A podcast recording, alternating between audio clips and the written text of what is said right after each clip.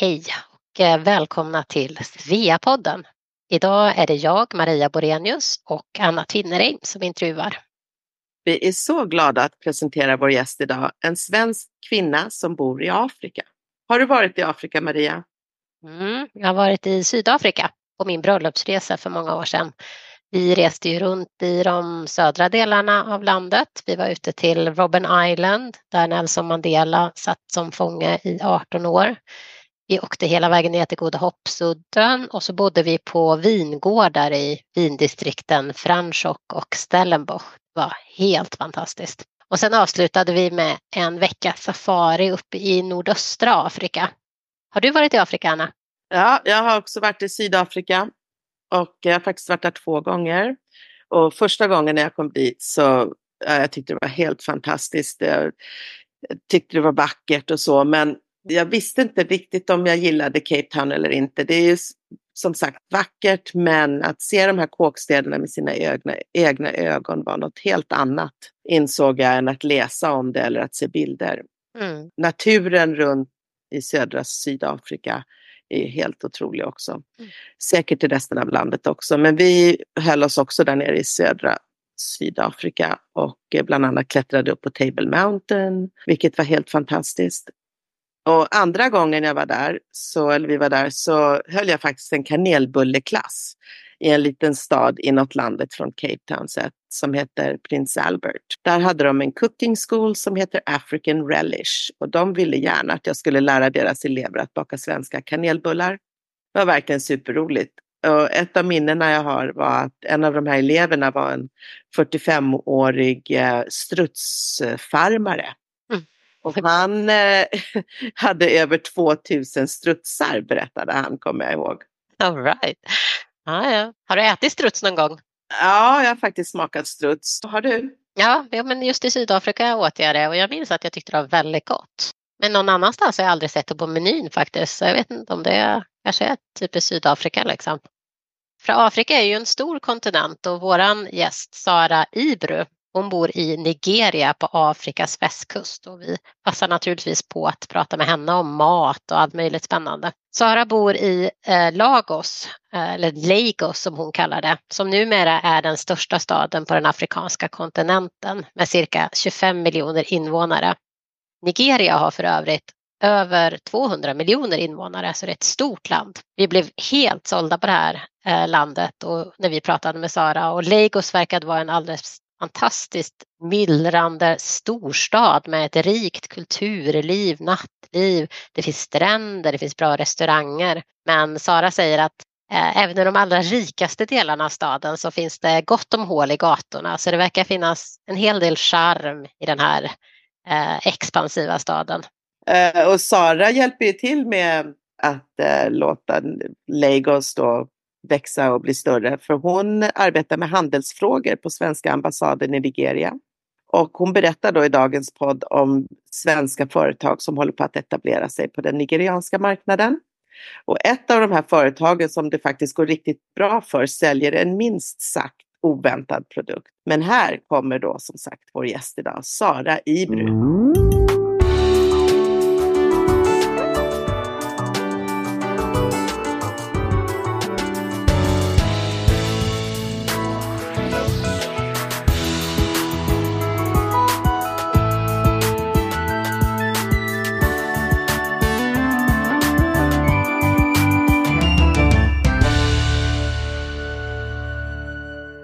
Jag heter Sara Ibro eh, och jag har de senaste 20 åren bott utomlands eh, i olika länder. Här nu senast eh, i Afrikas största stad Lagos där jag bor nu med min man och mina två barn och jag jobbar på Sveriges ambassad här som handelsfrämjare.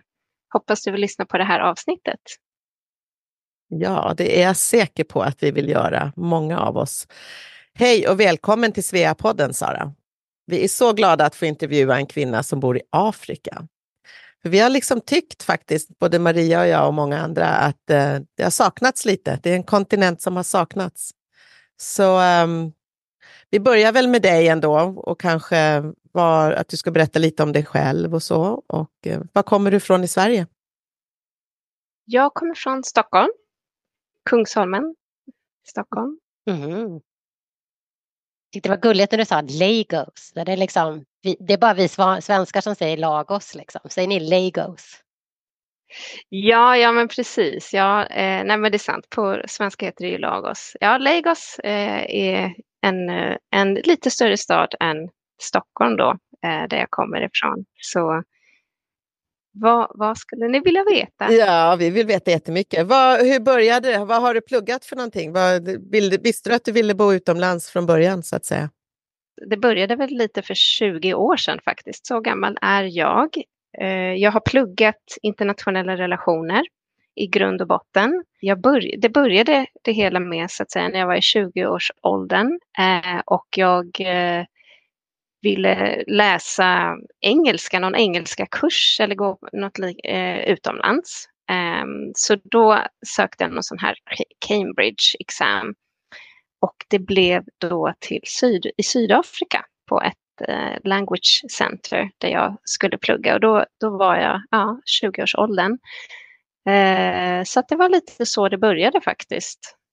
Jag eh, åkte ner dit och det var första gången jag reste utomlands själv, utanför Europa då. Mm. Ja. Eh, och tanken var väl att jag skulle vara där cirka ja, tre, fyra månader, ta den här uh, kursen då. Och det här var ju, det här öppnade ju mitt intresse eh, ännu mer då för Afrika. Jag hade varit lite nyfiken på just den afrikanska kontinenten, kanske sedan tidigare. Jag hade väl en viss bild som jag tror att många svenskar kanske har, eller många har en bild, viss bild av Afrika. Så kom jag ner då till, till Cape Town eller Kapstaden på den tiden så fanns väl, jag, vet inte om Facebook fanns, jo det kanske det fanns på den tiden. Det låter, ja 20 år sedan. Nej men jag hade gjort eh, såklart research lite innan och sådär men det, var, det är alltid svårt att få liksom, ett helhetsperspektiv, vart är det jag kommer? Även med vädret och liknande. Jag tänkte ju att ah, nu ska man ner till Afrika, packade kanske lite bikinis och sånt där då. Men, eh, men det, det, det känner väl många till också att det kan ju vara kallt i Sydafrika och kanske särskilt när det är varmt hemma i Sverige, när det är sommar hemma. Så, ja, men så det var väl lite där faktiskt min, min resa, om man ska säga så, började. Jag gick på, det här, på den här ja, Cape Communication Center som det heter, tog min eh, lilla språkkurs där och träffade folk från hela världen i princip. Det, det var populärt allt från Japan till Brasilien till eh, ja, mycket från Latinamerika och även andra afrikanska länder. Mm. Och ni läste engelska där, var det där du sa?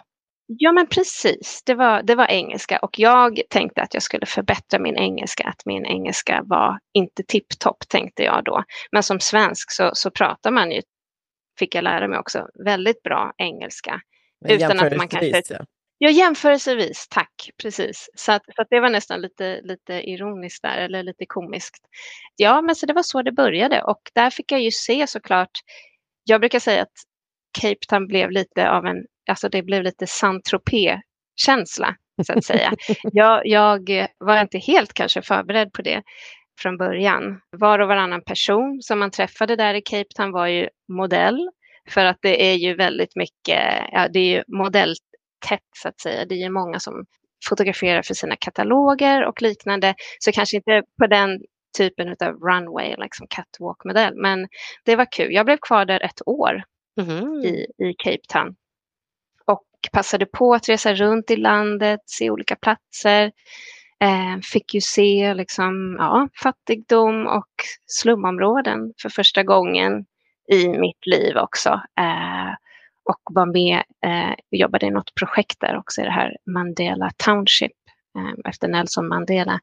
Så att ja, det var, det var väldigt spännande och på den, då så hade jag ännu inte bestämt vad jag ville plugga Nej. eller läsa på universitetet. Men min tid där i Sydafrika fick mig att ja, bli intresserad av liksom, global utveckling, eh, internationell politik och liknande. Så, att, så då sökte jag till eh, inter, internationella relationer helt enkelt. Så när jag kom hem sen till Sverige när jag var, var klar där nere så, mm. så, uh, så började jag på Södertörns högskola, läste global utveckling. Sen flyttade jag över till Stockholms universitet och fortsatte med internationella relationer. Ja, var, var var, bär det, bara det hän sen efter det? Höll jag på att säga. Du har bott på lite olika ställen i världen har vi fått reda på. Reda på. Ja, sen, sen blev det faktiskt, jag ville, vara, ville göra ett så här study abroad-år, så jag blev utbytesstudent då. Jag kollade igenom, det var många av mina vänner som var ut, hade gjort utbytes, ett utbytesår någonstans i världen och jag var lite sugen på att åka till Karibien och då fanns det inget utbytesavtal så jag föreslog för min professor på universitetet. Att, och han hade doktorerat och gjort någon studie på Trinidads informella ekonomi. Så sa jag, kan vi inte göra något utbytesavtal här med University of the West Indies? Mm. Och det tyckte han var bra, en bra idé. Så vi drog igång den processen och lyckades. Fick till det här avtalet och så blev jag eh, lyckligt lottad då, fick vara den första utbytesstudenten. Och de har tre campus, så de har på Barbados, eh, Trinidad och Eh, Kingston, Jamaica. Och internationella eh, relationer, Faculty of International Relations, var just på Jamaica. Så det var där jag hamnade. Så jag var där första omgången då, ett år ungefär. Då, som Oj, ja. Är det lite typiskt dig sådär att säga jag skulle vilja det här, hur, gör, hur får vi det att hända liksom? Jag tänker att det ändå är ganska, det, det, finns ju de som söker det som finns och så finns det de som säger vart vill jag åka? Ja, ja, i det här fallet blev det lite så i alla fall faktiskt. Ja. Det blev bra? ja, var du vet. nöjd med valet liksom? Ja, jag var väldigt nöjd och, jag, och man kunde ju läsa lite, alltså jag kunde ju tillgodoräkna vissa av kurserna. Jag gjorde klart min filkand genom att tillgodoräkna mig kurser. Sen kunde jag fortsätta att göra så här, här eh, postgraduate studies ytterligare en termin då Um, och då kunde, det var väldigt intressant såklart. Och jag, jag har ett starkt musikintresse också så för reggae och även dancehall. Så att för mig var det ju underbart att få komma dit och få se. Det måste ha varit drömmen då, ja. Ja, det var det. Men jag kan samtidigt säga att eh, många av mina vänner hemma i Sverige tänkte åh, nu ligger Sara där på, på beachen, playan med en piña colada i handen medan vi är här och hemma och pluggar, ja, ungefär så. Men det är väldigt mycket hårdare skulle jag vilja säga än, eh, eh kanske inte hårdare, men det är ju, man går ju 8 till 5 på universitetet då. Och sen kunde det vara liksom läs de här tio böckerna tills imorgon. Så det var lite annat studietempo på något sätt, eller studieklimat mot vad man var van vid från tidigare. För att inte nämna de här eh, eh, exams som man har liksom där precis innan jul när man ska när alla kurser ska tentas av. Ja. Ja, det är en annan sätt att, än, än våra hemtentor som vi är vana vid med i Sverige. Liksom. Vilka andra länder har du bott i då? Och hur kommer det sig att du har rest runt? Ja, det är inte så många länder. Eh, men sen blev det ju när jag sökte min eh, master eh, så blev det England. Mm -hmm. Inte lika tropiskt eh, så att säga, inte lika e-, exotiskt kanske. Eh, ja, så det var Brighton eh, som jag åkte till då, University of Sussex och då fortsatte jag. Jag, jag studerade då eh, Conflict Security and Development. Så det var fortsatt inom internationella relationer som har varit den röda tråden kan man säga i mina studier. Och tyckte väl inte att det, alltså London är ju roligt, kul. Eh, men självaste studentlivet där i Brighton, ja det var väl helt okej, okay. kanske inte under vintern.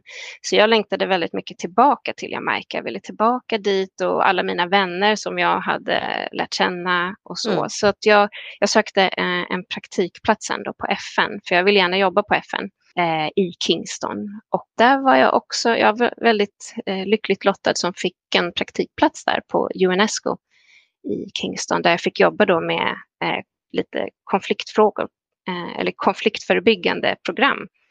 Mm. Så då åkte jag tillbaka till, till Kingston, ja, hur länge det nu var, ytterligare ett år, kanske lite mer.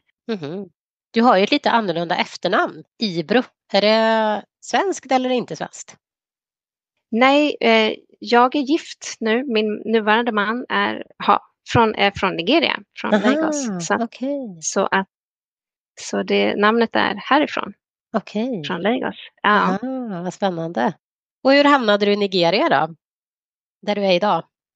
Ja, eh, ja eh, efter, efter eh, så att säga FN-praktiken där i Kingston, Jamaica, så, så flyttade jag hem till slut, hem till, tillbaka till Sverige. Jobbade några år i Sverige och kände att jag ville ut i världen någonstans. Och hade faktiskt lite koll på ett sånt här eh, SIDA-program, Junior Professional Officer som det heter. Och jag minns att jag sökte väldigt, så om, om det är några unga lyssnare som lyssnar på det här kanske tänker att förhoppningsvis man kan ge någon inspiration. Nej, jag minns det att jag sökte väldigt många eh, internationella tjänster på IMF och FN och olika internationella organ. Men det var väldigt svårt. Man kom på någon intervju kanske, men man lyckades inte hela vägen. Men eh, hur hamnade jag här? Nej, men det var faktiskt kontakter som jag knöt eh, i Cape Town där tio år tidigare då på den tiden. Så jag skickade ut mitt CV till kontakter jag hade byggt upp under universitetsstudierna och liknande. Mm. Och det slutade med att jag fick ett eh, jobberbjudande här i Lagos. Och för att knyta an till det här SIDA-programmet så var det väl just det där jag inte tickade av den boxen. Jag var max 33 år gammal, jag hade en master, jag hade allt som krävdes, men så stod det två års arbetserfarenhet från ett utvecklingsland eller emerging market om jag minns rätt. Så det var det, var det jag tänkte, men då, då testar vi. Då åkte jag ner till Lagos och påbörjade den tjänsten då. Sen träffade jag min nuvarande man faktiskt. Kan det ha varit ett halvår senare eller något liknande? Ja, jag hade inte tänkt att stanna i Nigeria så pass länge. Sen har jag varit här lite i omgångar så att säga. Men, men ja, just nu bor vi här, vi är gifta, har två barn. Ja. Och, eh, ja. ja. och vad, är din arbets, vad kallar du din arbetsplats idag så att säga? Då?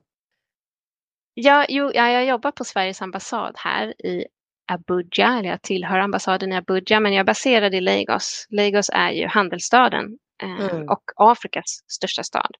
Just det, spännande. Vi är ju nyfikna på Afrika och Nigeria. Det är ju kanske ett område, dels en kontinent som inte man, det är så himla stort. Det är ju, det går, det är nästan eh, pinsamt att generalisera det så när man säger Afrika liksom. För det är ju som du säger Kapstaden till Kairo liksom i storlek. Så, så att, när man tittar lite grann, kan du berätta lite grann om Nigeria? Du säger som, som du säger, Lagos är Afrikas största stad. Det är 20 miljoner eller något sånt där, eller hur stort är det?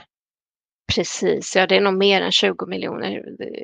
20-25 miljoner, man vet nog inte exakt exakta siffran. Nej men det, det är en enormt, uh, det är svårt skulle jag säga att beskriva uh, Nigeria, beskriva Lagos. Men det är en, en väldigt häftig stad, väldigt, väldigt mycket olika, jag menar business opportunities som händer som bubblar, olika industrier. Det är ju jättekul att få jobba med just handelsfrågor eh, mm. som business promotion officer. Det är, eh, ja, det är uppbyggt. Jag kan ju berätta vart jag sitter nu till exempel. Så det finns, ja, jag sitter på en ö som heter Ikoyi.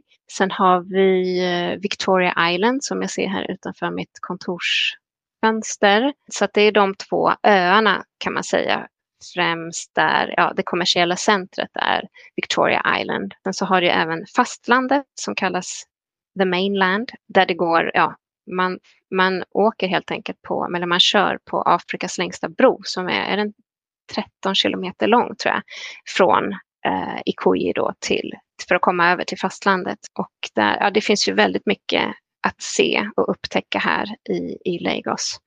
Till exempel kan jag ju berätta att, ja, om deras filmindustri kanske. Jag kan nämna. Ja, spännande. Nollywood. Nollywood.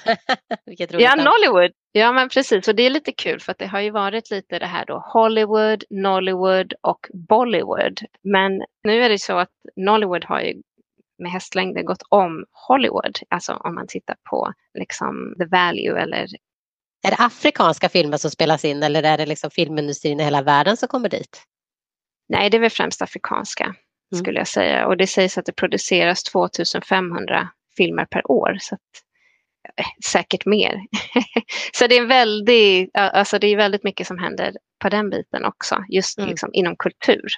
Ja, vad roligt. Vi hörde någonting om modeindustrin också, va? Som du arbetar med.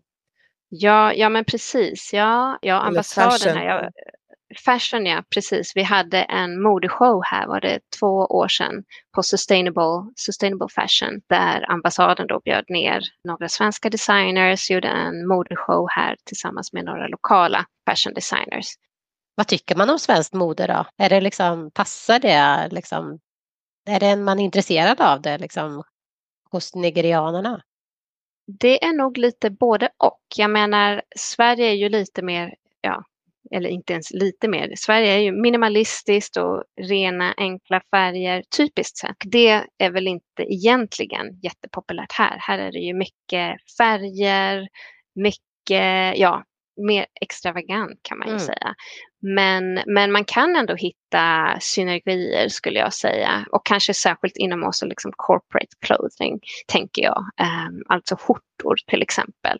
Så att det gäller att hitta den matchningen, um, så att säga. Uh, vad som kan gå bra och vad som kan passa. Sen tror jag säkert att vissa nigerianska designers skulle gå också väldigt bra i Sverige till exempel. Bero, lite beroende på. Sen det, har det också att göra kanske med klimatet, hur man, hur man klär sig. Ja, men såklart. Ja. Kanske inget vintermode, men när man är i Lagos där då, liksom, hur ser det ut till exempel med restauranger och uteliv och så vidare? Finns alla de vanliga restaurangkedjorna eller är det mer liksom lokala? Hur, vad gör du om du går ut och äter med dina kompisar eller med familjen?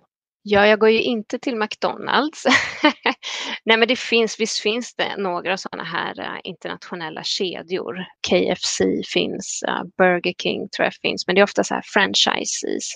Så uh, det kanske finns två, två Burger King tror jag. Domino's Pizza. Nej, men det finns väldigt, väldigt bra restauranger här i Lagos som har vuxit fram de senaste, ja, skulle säga tio åren kanske mm. också. Det finns det. Toppklass det finns det absolut. Och om vi pratar om mat då, då vad, vad, är nigeriansk mat? Vad lagar du för mat? Vad äter ni? Är det svårt att hitta produkt, råvaror ja, som... Um... Nej, jag skulle säga att här kan du hitta allt. Du kan hitta allt här.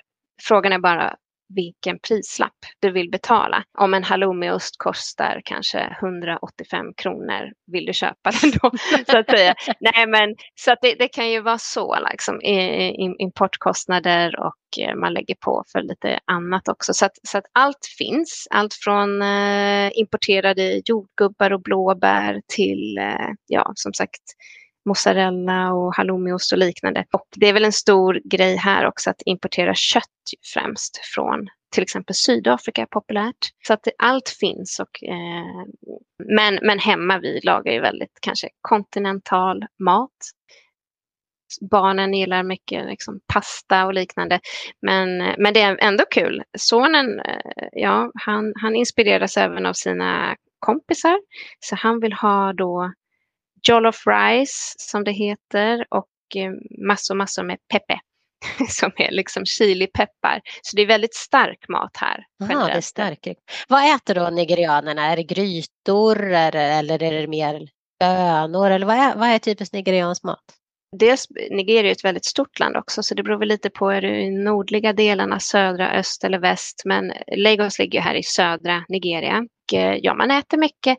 Eh, alltså det är intressant och tycker jag det påminner mycket också om maten som fanns faktiskt i Karibien. Eh, men det är mycket ris, ris, risrätter eller det här jollof rice då, som är typiskt för Västafrika. Det är liksom en tomatbaserad liksom paste som man har kokar riset med kan man säga. Och sen så plantain är ju väldigt vanligt. Vad är det för någonting? Det är som matbananer typ. Aha, liksom. just det. Mm. Absolut, ja precis. Och som man typiskt sett friterar. Eh, jag minns att på Jamaica kunde man även äta liksom, att de kokar bananerna, de här, eller plantainen, liksom, vilket man kan göra också. Nej, men så det är mycket så, men annars är det väldigt mycket grytor och till skillnad, det är inte så mycket mejeriprodukter eller nästan inga mejeriprodukter på det sättet vi är vana vid, utan det är liksom en tomatbas kan man säga i det mesta. Sen finns det ju allt från, ja, liksom, det kallas okra soup, egusi soup. Alltså det är väldigt mycket, de kallar det soup, men är någon form av gryta. Jag, jag är ju mer eller mindre, mer eller mindre säga, vegetarian. Så att jag äter ju, ja, jag äter fisk och kyckling, men inte så mycket annat. Eh, och det kan det vara i de här grytorna. Det kan ju vara om du åker ut på, to the village, liksom till landsbygden, så kan det vara en mix av allt möjligt. Så att där kanske jag är lite försiktig också med de här grytorna just. Men väldigt stark mat. Då äter inte du heller eh, den här produkten som Nigeria importerar från Sverige? har du, du har läst på! Ja, du har läst på! Eller hur? Ja, just det. Torkade grisfötter. Ja, men precis, precis. Det gör jag faktiskt inte. Men jag tycker att det här är väldigt intressant. Just de här torkade grisfötterna och sen så även det här varför äter de så mycket chilipeppar? Och det är lite samma som det här med att i Sverige vi hade surströmming en gång i tiden. Liksom att det här tydligen konserverar maten. Det visste inte jag. Så att har du jättemycket chilipeppar i en gryta så behöver du inte ställa in den i kylen. Den kan stå i rumstemperatur tydligen. Intressant. Ja. Det är ju våra, våra traditioner av att grava och salta och inläggningar och sånt. Det, är ju, det har ju kommit från just att kunna förvara maten innan det fanns kylmöjligheter. Liksom. Men det var ju väldigt intressant det här med torkade grisfötter. Och det är tydligen så att de kan också klara sig ganska bra utan kyla. Ja, Precis, det är nog därför det säljer så bra. Så att jag tror att Nigeria är deras bästa marknad. Det här är alltså ett svenskt bolag? Precis. Från Skåne. Eh, torkade grisfötter. Exakt, precis. Så att jag tror att man saltar dem på något sätt. Eh, på något vis. Och även Norge, eh, deras absolut största export eh, till Nigeria är ju liksom saltad fisk. Tor torkad saltad fisk. Så, att, så att man gör väl på så vis att man lägger det här i slags vattenbad för att mjuka upp köttet. Ah, ja, sen när man ska äta det liksom. Ja, just det. Mm.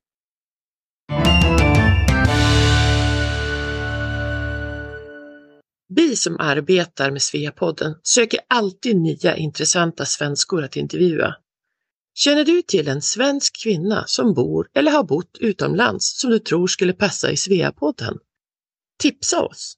Det gör du enklast om du går till svea.org, klicka på menyn längst till höger där det står Sveapodden och sen scrolla ner tills du kommer till Klicka här för att tipsa oss. Tack för din hjälp!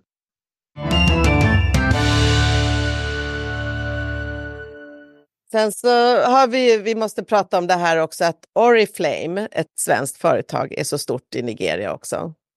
Ja. Jag är lite, eller Maria och jag pratade om det, för vi mm att det är en spännande bransch för dem, eller en marknad måste det vara tänker jag. Och att eh, Oriflame är så stora utomlands har väl också att göra med lite grann kulturen, hur man säljer, det här hemmapartyn och sådana saker. Liksom. Precis. Kul att ni nämner det. Vi ska faktiskt på deras tioårsjubileum här nästa helg, nästa lördag, här i Lagos. Nej, men eh, det jag förstår är att eh, Nigeria är en av deras bästsäljande marknader. De finns ju även i Egypten, eh, jag tror att det är Tunisien också och sen så då här i Nigeria. Så att det, det, går, det går bra för dem och det intressanta är att ja, det är ju såklart främst kvinnor som säljer deras produkter eh, och att man då via deras försäljningsmodell så att säga når områden i Nigeria där även i de norra delarna där det är lite fattigare och det är, kan vara konflikter och liknande. Så det är inte många internationella företag som finns på de här platserna. Men, men Oriflame finns ju där tack vare de här äh, brand partners, tror jag att de kallas, som säljer deras produkter. Så att, eh, jag tror att det är ja, 45 000 kvinnor eller liknande som, som säljer produkter runt om i Nigeria. När man tittar på eh, Nigeria och Lagos, hur ser expat-situationen ut? Alltså i, i den miljön där du eh, rör dig. Är det, är det kompisar från hela världen eller är det främst nigerianer? Finns det en expat-community i Nigeria? Väldigt stort expat-community finns det ju här. Det är ett oljeland, Nigeria. Så det var väl så det började. Sen så har det ju utökats till andra industrier också. Men absolut, alltså tittar du på på skolor då till exempel så har du ju liksom French school, American school, Dutch international school.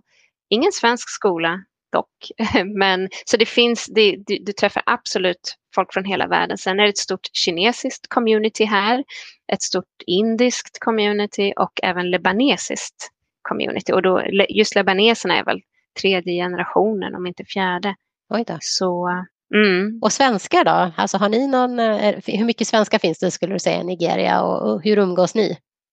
Ja, det finns ju någon lista som vi har på ambassaden där det var, kan det vara max 500 och då är det nog, det är inte många jag har träffat, alltså här i Lagos, om jag bara säger de jag känner till, kan det vara två, tre stycken personer. det, det, är inte, det får gärna komma hit fler svenskar. Det är, det är inte många som, som vi känner till. Sen kan det ju vara så att de människor, personer inte registrerar sig med ambassaden eller att de jobbar med något projekt eller liknande. Eh, men nej, det är inte särskilt många, det är det inte. Vi hade ett eh, skandinaviskt community här tidigare, men, men eh, det, det, det var några år sedan här innan covid också som det så att säga expatsen åkte hem helt enkelt. Expatsen mm. försvann och sen så har man hittat nya vägar eh, och hittat goda lokala förmågor.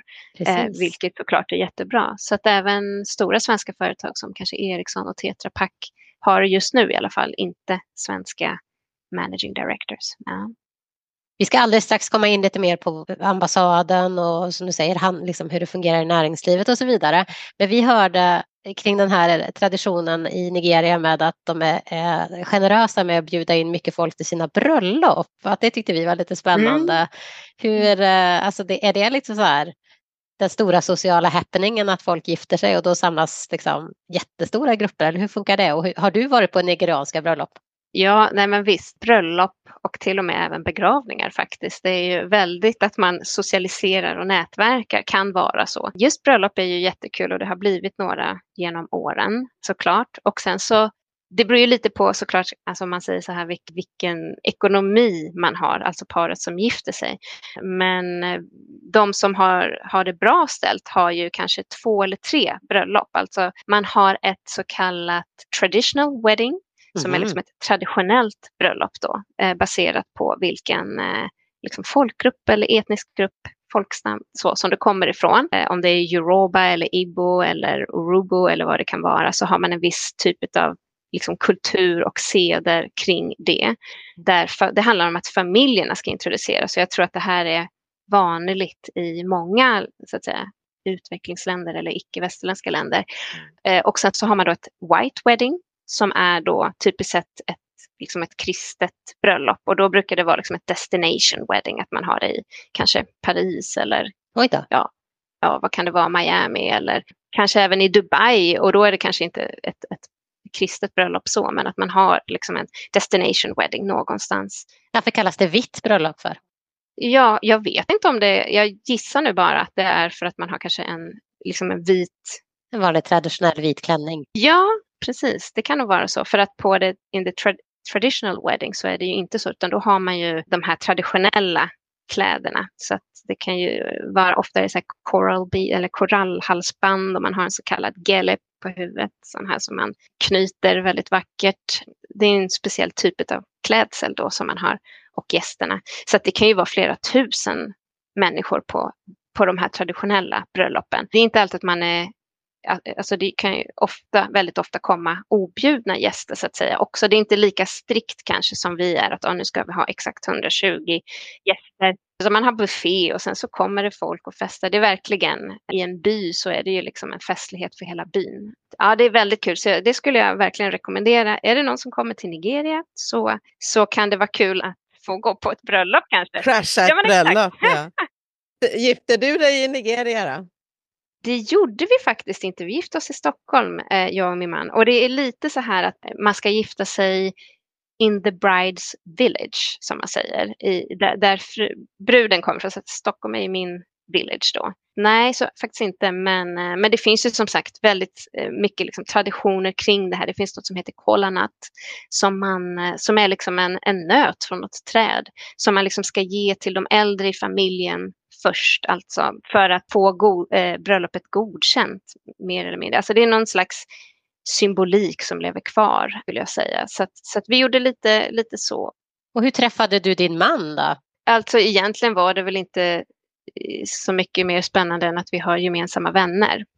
Så, men, men, nej, men vi träffades och det blev kärlek vid första ögonkastet. faktiskt. Ja, så det är faktiskt tio år sedan som vi, vi träffades. Och och så hade ni två barn, sa du det eller? Ja, vi har två barn. En dotter, eh, Zoe, och en son som heter Louis. Vad går de för skola då? Ja, jag ville hitta något som var lite mer svenskt, eller vad man ska säga, så svenskt man kan hitta då eh, när det gäller just liksom förskola. För, för det kan ju vara så annars här, att de har läxor kanske från två års ålder, att man ska ha liksom uniform och så. Och det försökte jag hitta något som inte var det. Men det finns ju tack och lov här i Lagos finns det ju väldigt mycket olika. Det är ju liksom inte eh, liksom statligt så, utan det är privata skolor som man har. Så vi har, vi har hittat ett eh, jättebra alternativ av ett nigerianskt par som är upp, födda och uppvuxna i London men som bestämde sig för att flytta ner.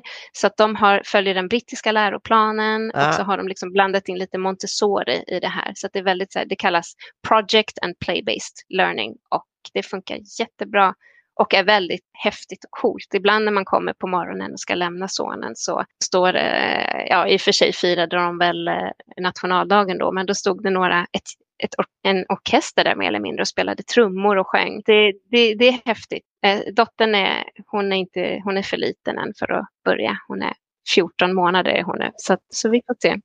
Så hur långt upp går den skolan då? Kan man stanna där? Ja, just nu har de till, till åttaårsåldern.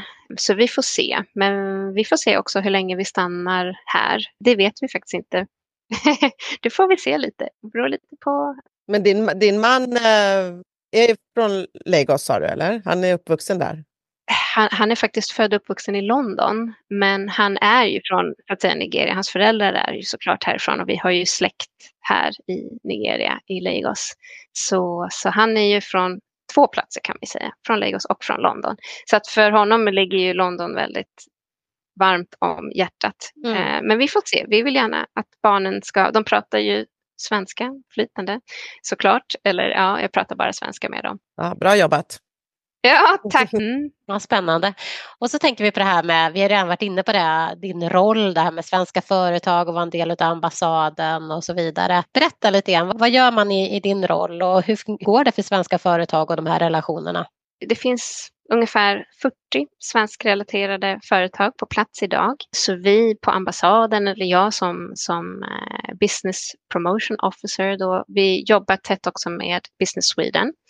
I nuläget så har de inget kontor här i Lagos, men vi hoppas att de kommer återöppna kontor här. Så vi, vi jobbar tillsammans, alltså ambassaden, vi jobbar ju med både Sverigefrämjande och handelsfrämjande. Eh, så vi identifierar marknadsmöjligheter bland annat. Vi kan göra introduktioner om det är något svenskt bolag som är intresserad av marknaden ehm, och vill komma i kontakt med nigerianska stakeholders till exempel. Ja, lite allt men vi har ju träffar också för nätverkande mellan svenska bolag varje kvartal så, så samlar vi ihop alla svenska företag. Så det är lite allt möjligt. Jag menar, som sagt, vi gjorde ju den här fashion showen. Det var ju en kulturdel egentligen till något som heter och det här vill jag göra lite reklam för nu. Vi har något Nordic Nigeria Connect som är Nordens största, så att säga, eh, eller det största nordiska eventet på den afrikanska kontinenten. Oj, som sker jaha. Eh, varannat år. Ja, så vi går, tillsammans, går samman då med Norge, Danmark, Finland. Vi, hade, vi gjorde det senast här nu i november 2023 och då hade vi över 400 deltagare på hög nivå och businessdelegationer då som kommer. Så det är väldigt kul och det är väldigt mycket som händer. Ja, är det alltid i Lagos då eller skiftar det från olika städer? Nej, det är faktiskt alltid i Lagos. Just nu då för tillfället så är det här och det är väl just för att det är Afrika, Afrikas största stad och det syftar lite till just att eh, promota handel med, med just Nigeria. Mm. För det finns så mycket olika enorma möjligheter som vi ser det. Vad är det om man skulle vara svensk och liksom ha en tanke på att vända sig till den afrikanska eller nigerianska marknaden? Liksom. De stora företagen som du sa är ju där redan, men vad är det för typ av produkter eller tjänster som skulle vara aktuella att introducera? Grisfötter var ju uppenbarligen en strålande affär. Grisfötter, ja de har faktiskt grisfötter och svenska havregryn så att de har gjort en kombination där.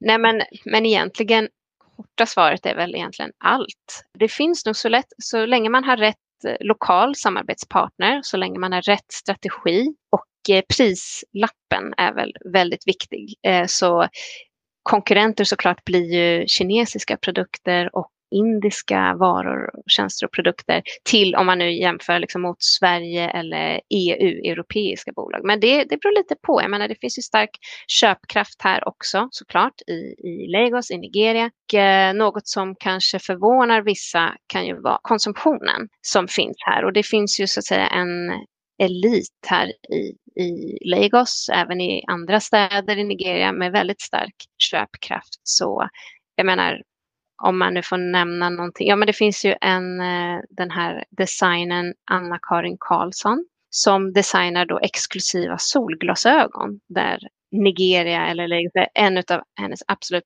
bästa marknader till exempel. Eh, så att det kan vara lite så här otippade det är så dyrt så jag inte ens har hört talas om det. Nej, precis. Jag tror att de kanske kostar 10 000 eller kanske mer för ett par mm. solglasögon. Ja. Var du med och fick in henne på marknaden eller klarade hon det själv? Eller hur, hur fungerar det då? då? Precis, ja nej, nej det gjorde hon, eh, det var före min tid så att säga. Och ofta så kan det vara så, jag menar om du tittar till exempel också på Harrods i, i London mm. så är väl Nigeria en av de största eh, eh, konsumenterna där. Så att jag tror att det var något band som knöts just där, tror jag. Alltså mycket sker ju i London. Eh, så att det finns ju en, en eh, butik, lyxbutik kan man ska säga, som har den typen av produkter. De säljer Rolex-klockor och eh, andra liksom, märkesvaror. Så att hon, jag tror att hon tog kontakt med den här designen. Och de här lyxpersonerna, eller de med mycket pengar, är det pengar från olja primärt? Kan vara, men det behöver det inte vara det kan vara, jag menar, när du har en befolkning som vi har här på liksom närmare 225 miljoner så är det enorma volymer av allt. Så att jag menar, Afrikas rikaste man, Dangote, eh, jag menar det är ju väl ja, socker, cement, det kan ju vara, det kan egentligen vara, det måste inte vara olja, men såklart, många är, kan vara, det kan vara olja från början kanske för vissa. När vi pratar, jag är bara nyfiken, du vet, Taylor Swift, jag har tre döttrar i Nordamerika som älskar Taylor Swift och Maria har två döttrar här och Taylor Swift kommer till Stockholm här senare i år. Har hon konsertdatum i Lagos? Vet du det? Eller, alltså sådana artister i stort. Liksom. Har ni stora konserter och så? Visst är det konserter, men det som är stort här är ju afrobeats. Afrobeats, afrobeats, afrobeats. Och det, det är ju alltså, folk kommer hit som turister för att få ta del av de enorma enormt stora stjärnorna som finns här. Så visst sker det att den här typen, jag vet att Beyoncé och Jay-Z var här i Lagos, men absolut så är det ju, jag kan ju nämna några afrobeats-artister mm, som är stora globalt sett. Eh, till exempel, ja såklart Burna Boy är ju enormt stor nu i, i västvärlden. Ashake, Wizkid och Davido är ju väldigt stora.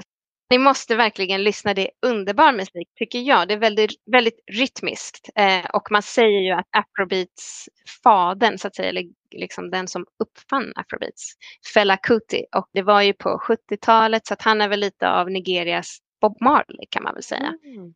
Bob Marley vet vi vem det är och vi tycker ja, det, om den musiken. Ja, det vet vi. det vet vi. Ja. Ja, Okej, okay. vi får lyssna in hör jag. Det här låter som uh, vi börjar i den änden innan vi åker till Nigeria, att vi lyssnar in musiken. Ja, när vi kommer till Nigeria då, Sara, så vill vi veta liksom vad som turist, om man skulle säga eh, som, om jämföra ytan av Nigeria med ett annat land, hur stort är det ungefär?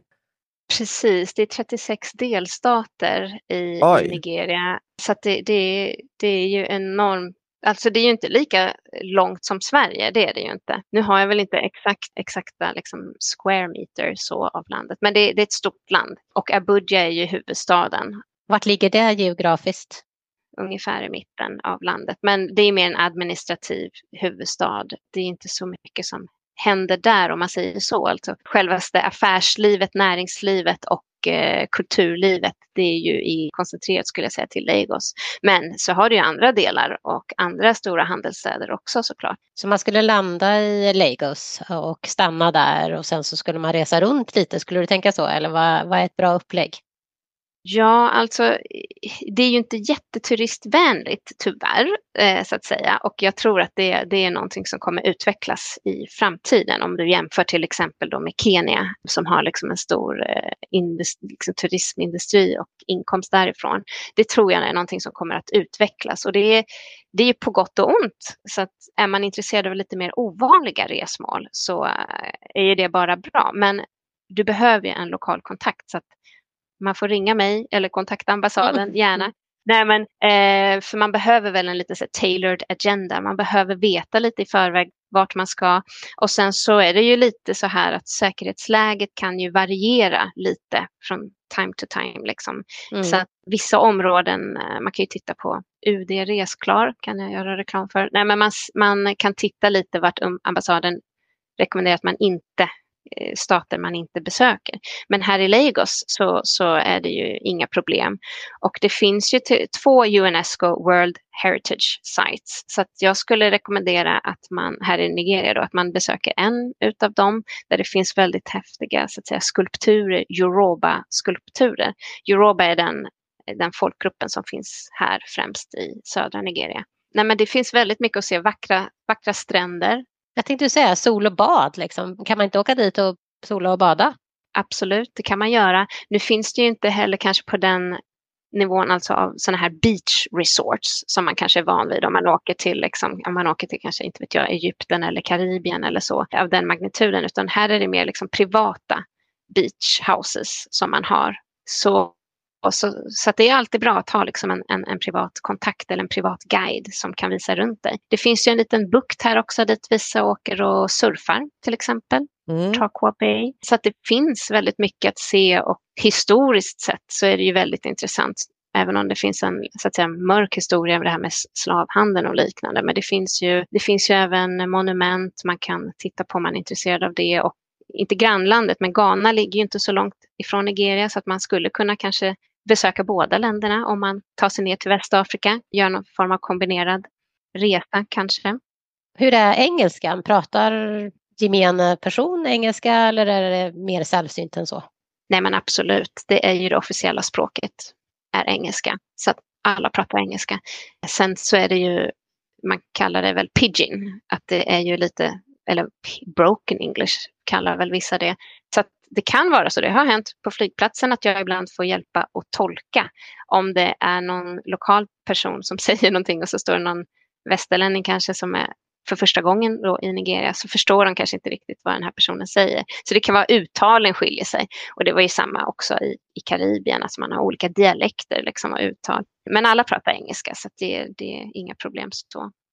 Och jag kan passa på att säga att det finns ju, det är väldigt mycket som händer inom konst. Så varje oktober-november så finns det något som heter Art X Lagos som är i alla fall Västafrikas största konstmässa. Tror jag att det är i alla fall. Så det är verkligen värt ett besök och sen har du alla Lagos Fashion Week och liknande. Så det finns väldigt, väldigt mycket spännande som händer här. Jag hörde någon eh, så här, lite jämförelse att eh, Lagos är som eh, New York, Afrikas New York. Ja. Som du säger, kultur och musik och allt. Precis, precis. Och en enorm puls. Det är ofta svårt att beskriva liksom ett helt land på 225 miljoner och säga något som är typiskt liksom nigerianskt. Så. Men är det något ord eller något uttryck som skulle sammanfatta en typisk nigerian så är det väl liksom entreprenörskap. Alla man träffar är väldigt, alla är liksom entreprenörer, business-minded och ser liksom möjligheter någonstans. Så det är väldigt imponerande. Man har lärt sig väldigt mycket av människorna här. Och när du tittar framåt, eh, både för Nigerias framtid och, och liksom kanske kontinenten i stort, så där, som du säger, finns det liksom den här, det finns ju också mycket problem i Afrika naturligtvis, med säkerhet och fattigdom och så vidare, men generellt sett så rör det sig framåt känns det, eller vad är din tanke? Absolut rör det sig framåt. Det har varit, om vi pratar om just Nigeria så har det nyligen varit val här och det är många starka förhoppningar om att ekonomin börjar röra sig i rätt riktning för att det har varit några tuffa år här bakom oss. Så absolut, eh, vi ser positivt på framtiden för hela kontinenten. Man pratar hela tiden också om Africa on the rise och det är mycket investeringar som sker, inte minst inom techsektorn och hela den här digitaliseringsprocessen. Så absolut, alltså det, vi ser mycket positivt på, på framtiden. Mm. Och sen är det ju viktigt såklart att, eh, ja, men att man eh, såklart vad som händer politiskt också, att man stöttar länder med handel i, i all dess form. Det är det som, som, som behövs för att det ska, ska gå framåt för att man ska stå på sina egna fötter så behöver man liksom ett, mm. ett stad, stadigt eget näringsliv. Liksom.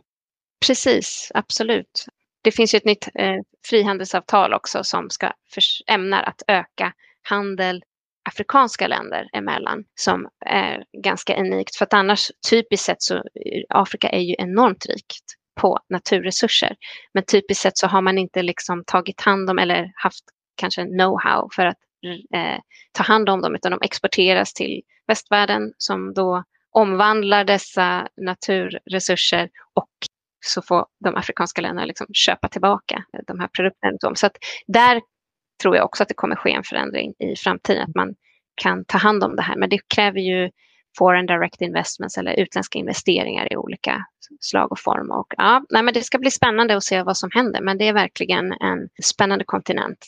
Missa inte Afrika. Jag är superavundsjuk på dig Sara som får uppleva det här. Jag tycker det verkar så roligt att vara någonstans där det är så annorlunda. Liksom. Nu är det ju vardag för dig såklart. Du måste ju sticka ut lite grann när du kommer. Ja, lite grann kanske. I Lagos är nog alla så vana vid, vid västerlänningar. Det annorlunda. Man kommer ut mer på landsbygden och mm. träffar människor där. När vi är inne på sådär i slutet av intervjun så brukar vi fråga våra intervjuoffer som du är då, eller våra kära ska vi väl säga, om man har ett eh, livsmotto som man lever efter. Ja, ja, egentligen så har jag väl egentligen inget direkt livsmotto så, men mer att man ska följa sina drömmar och våga. Det är väl mm. lite det som jag skulle säga, att man ska våga testa. Eh, funkar det inte så funkar det inte och då kan man alltid eh, ja, byta väg, gå, liksom, åka hem till Sverige eller något annat, vad det nu kan vara. Men om, om det gäller just liksom att, att se världen eller att testa och bo i andra länder så tycker jag absolut. Det är, jag har någon gång fått frågan så här om man ska resa någonstans, jaha, men ska du åka dit alldeles själv? Och då har jag tänkt att ja, men det finns ju en befolkning där så att säga, man är inte helt själv. Och, och det är lite så att ofta är människor mer liksom, gästvänliga och välkomnande än vad man först kanske tror eller vågar mm. tro. Så ja, absolut, att, att, att våga och att testa. Det är nog det som jag skulle säga. Gud, vi testar Nigeria nästa gång, eller hur Anna? Mm. Det känns som, det, det har du sålt in på ett bra sätt. Mm, jag tycker det låter superspännande. Ber om ursäkt att vi uh, har kanske ställt novisa frågor här, men det är ju en liten ny plats för oss och är kanske många av våra lyssnare också. Så vi har verkligen fått lära oss och få en nyfikenhet och se och höra mer känns det som. Så stort tack och lycka till med allt du håller på med där borta. Jättekul. Tack snälla. Tack för att jag fick vara med. Ja, tack för att du ville vara med. Jätteroligt att höra din historia. Och så. så sköt om dig. Hej då. Ha det bra. Tack detsamma. Hej då. Ja. Hej då. Hej då.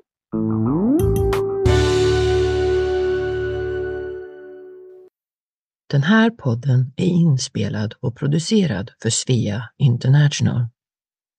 Alla vi som på olika sätt är involverade i produktionen gör detta som en del i vårt frivilliga engagemang i Svea. Om du vill tipsa oss om en intressant svensk kvinna med utlandserfarenhet som du tror skulle passa i vår podd, mejla oss på sveapodden svea.org. Sveapodden finns på de allra flesta platser där du hittar poddar såsom Spotify, iTunes, Google Podcast och Acast. Du kan även följa oss på sociala medier vi finns bland annat på Facebook, Instagram och LinkedIn. Där hittar du oss under namnet Svea International. Mer information om Svea kan du hitta på vår webbplats svea.org. Musiken i detta avsnitt är skriven för Svea av Fredrik Åkerblom. Tack för att du lyssnat!